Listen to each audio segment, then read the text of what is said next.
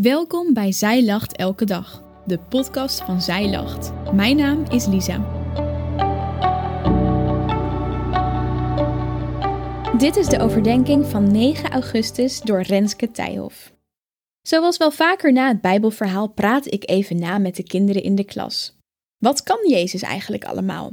En zijn er dan twee Here Godden, als hij op meerdere plekken tegelijk kan zijn? Dat waren de twee vragen die centraal stonden. Ik geniet altijd van deze momenten. Mijn kleuters stellen zulke heerlijke, eerlijke vragen. Geloven als een kind, dat doen ze zeker. Ze noemen God gerust een kanjertijger, helemaal in de stijl van de kanjertraining. Want juf, God is aardig en lief voor iedereen en hij doet gewoon alles goed. Het is ontzettend grappig als ze denken dat ze God helemaal snappen. Ik weet wel iets dat God niet kan: stiften maken. Hij doet het denk ik niet, nee, maar hij zou het wel kunnen. Nou, maar dan weet ik nu echt iets wat God serieus niet kan. Dat zou ik niet geloven. Zomaar door een deur gaan die dicht is. Zo vol enthousiasme dit jongetje wist het nu echt zeker. Het kan niet dat God dit ook nog kan. Ik moest er stiekem wel een beetje om lachen. Daar ging ik dan. Uh, nou, dat kan die wel. Er staat zelfs een verhaal over in de Bijbel. We lezen het in Johannes 20, vers 19 tot 23. Toen het avond werd op de eerste dag van de week, zaten de leerlingen in huis. Ze hadden de deur dicht gedaan, want ze waren bang voor de Joodse leiders. Plotseling stond Jezus bij hen. Hij zei: Ik wens jullie vrede toe. Daarna liet hij hun zijn handen en zijn zij zien. De leerlingen waren blij toen ze de Heer Jezus zagen. Jezus zei opnieuw tegen hen: Ik wens jullie vrede toe. Net zoals de Vader mij gestuurd heeft, stuur ik ook jullie. Toen blies hij op hen en zei: Ontvang de Heilige Geest. Als jullie iemand vergeven wat hij verkeerd heeft gedaan, dat is hem dan ook vergeven. Als jullie iemand niet vergeven wat hij verkeerd heeft gedaan, dan is het hem ook niet vergeven. Wow, ik kan me voorstellen dat de leerlingen schrokken. In het vorige Bijbelgedeelte komt dat niet zo naar voren, maar in Lucas wordt het verhaal op een iets andere manier verteld. We lezen het in Lucas 24, vers 37 tot 41. Ze schrokken vreselijk en dachten dat ze een geest zagen. Maar hij zei: Waarom schrikken jullie zo? Waarom denken jullie dat? Kijk naar mijn handen en voeten. Dan kunnen jullie zien dat ik het zelf ben. Voel maar. Een geest heeft geen vlees en botten, maar ik wel. En hij liet hun zijn handen en voeten zien. Ze waren zo verbaasd en blij dat ze het haast niet konden geloven. Het klinkt als iets onwerkelijks. Jezus die zomaar in huis stond terwijl de deur dicht was. Met drie dubbele sloten, zei ik tegen de kinderen.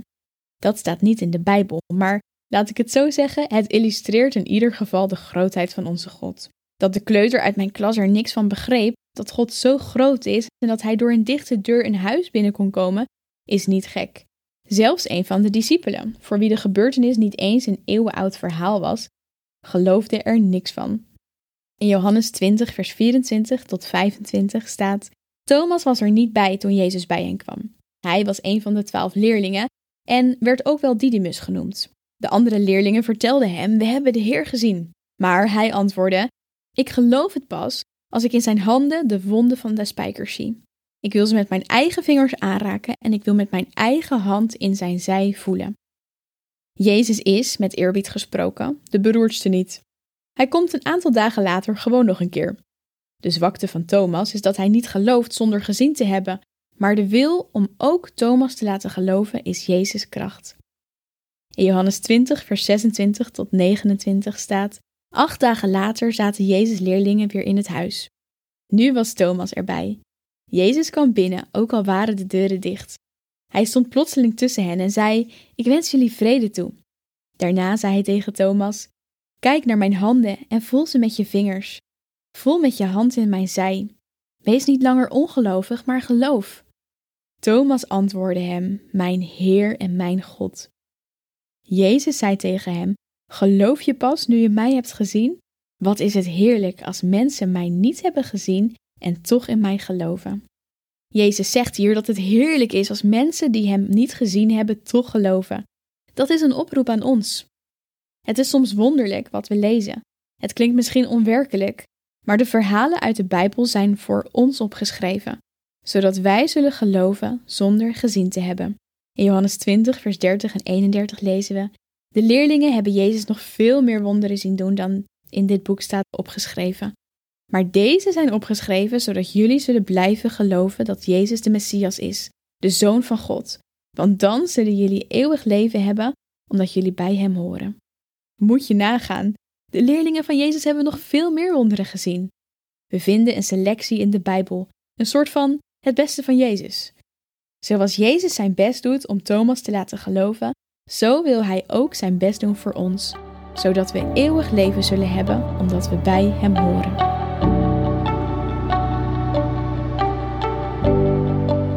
Dankjewel dat je hebt geluisterd naar de overdenking van vandaag.